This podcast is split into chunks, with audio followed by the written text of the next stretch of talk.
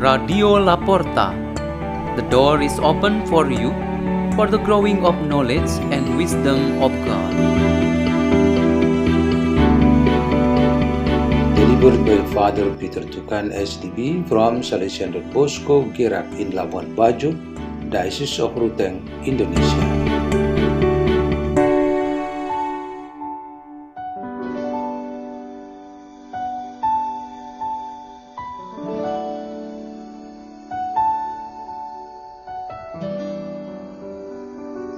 Readings and meditation on the Word of God on the 28th Sunday in Ordinary Time, October 15, 2023.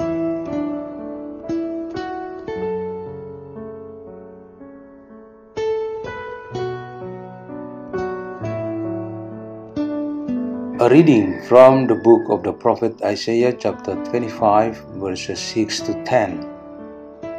On this mountain, the Lord of hosts will prepare for all people a banquet of rich food, a banquet of fine wines, of food rich and juicy, of fine strained wines. On this mountain he will remove the mourning veil covering all peoples, and the shroud enwrapping all nations. He will destroy death forever. The Lord will wipe away the tears from every cheek. He will take away his people's shame everywhere on earth, for the Lord has said so. That day it will be said, See, this is our God in whom we hoped for salvation. The Lord is the one in whom we hoped.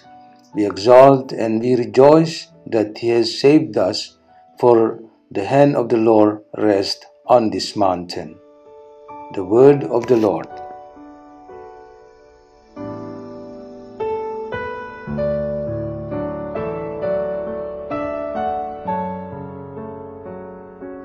A reading is taken from the letter of St. Paul to the Philippians, chapter 4, verses 12 to 14, 19 to 20. I know how to be poor and I know how to be rich too. I have been through my initiation and now I am ready for anything, anywhere. Full stomach or empty stomach, poverty or plenty. There is nothing I cannot master with the help of the one who gives me strength.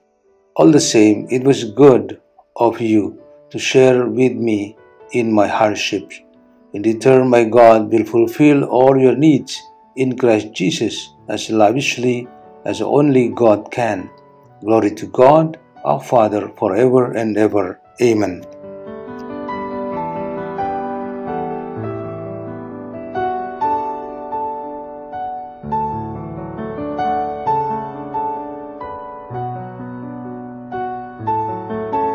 A reading is taken from the Holy Gospel according to Matthew chapter 22, verses 1 to 10. Jesus said to the chief priests and elders of the people, The kingdom of heaven may be compared to a king who gave a feast for his son's wedding. He sent his servants to call those who had been invited, but they would not come. Next, he sent some more servants.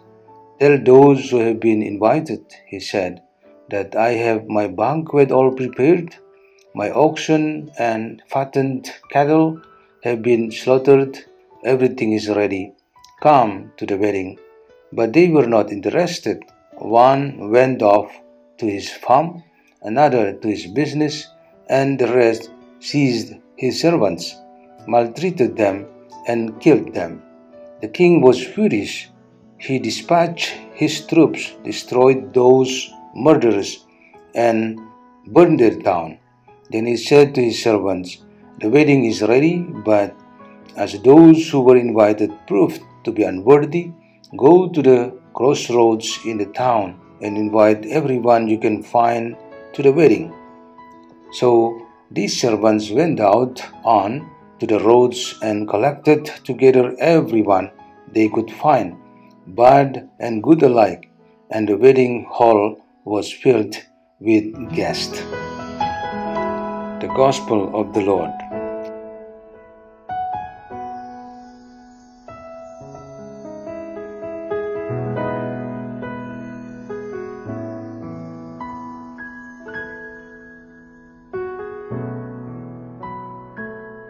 On this 28th Sunday in Ordinary Time, our meditation has the theme Invitation to a Party.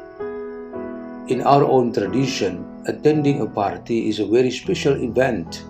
One must prepare oneself with all the equipment, especially the attractive personal appearance.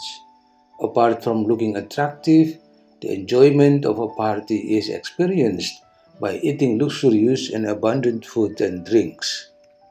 It's natural that we humans like to party. We are happy to be invited to attend a party. We are honored to be part of the celebration.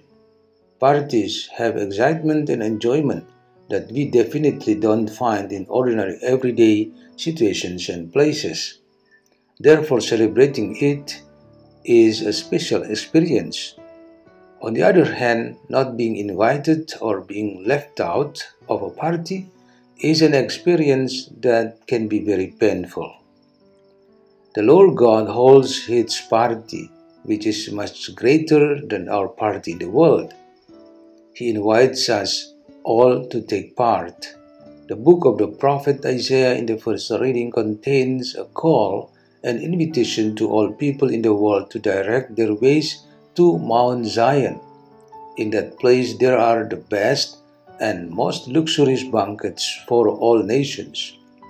Everyone will experience extraordinary joy without any burdens, objections, or obstacles. This heavenly banquet is eternal and is no longer a feast in the world that is full of limitations. This festive meal is actually an experience full of joy and happiness in heaven. It happens at the end of time for each person and all believers. Jesus gives an example in the gospel that apparently not everyone was happy and willing to fulfill the invitation to God's wedding feast. They not only prefer parties in the world, but choose to pursue their own interests. That means they are not interested and do not want to enter the kingdom of heaven. As a result, they are eliminated and their place will be occupied by someone else who will heed God's invitation. We, as followers of Christ today, I believe, are not among those who reject the invitation to God's feast day. Our daily journey of faith is preparation to come to that party someday. To give a strong feeling and confidence in our preparation, the best way is to always live in God's grace in this world. St. Paul, in his letter to the Philippians, among other things, gives this guidance I can do all things through him who gives me strength. The thing is that there are no obstacles whatsoever to participating in the feast of the Lord God. Let us pray in the name of the Father, and of the Son, and of the Holy Spirit, Amen. Almighty God, fill our hearts with longing and true joy for the happiness of the banquet that you provide for all of us, concretely and being held here today, namely in the Holy Eucharist. Glory to the Father, and to the Son, and to the Holy Spirit, as it was in the beginning, is now, and ever shall be, world without end. Amen. In the name of the Father, and of the Son, and of the Holy Spirit. Amen. Radio La Porta. The door is open for you.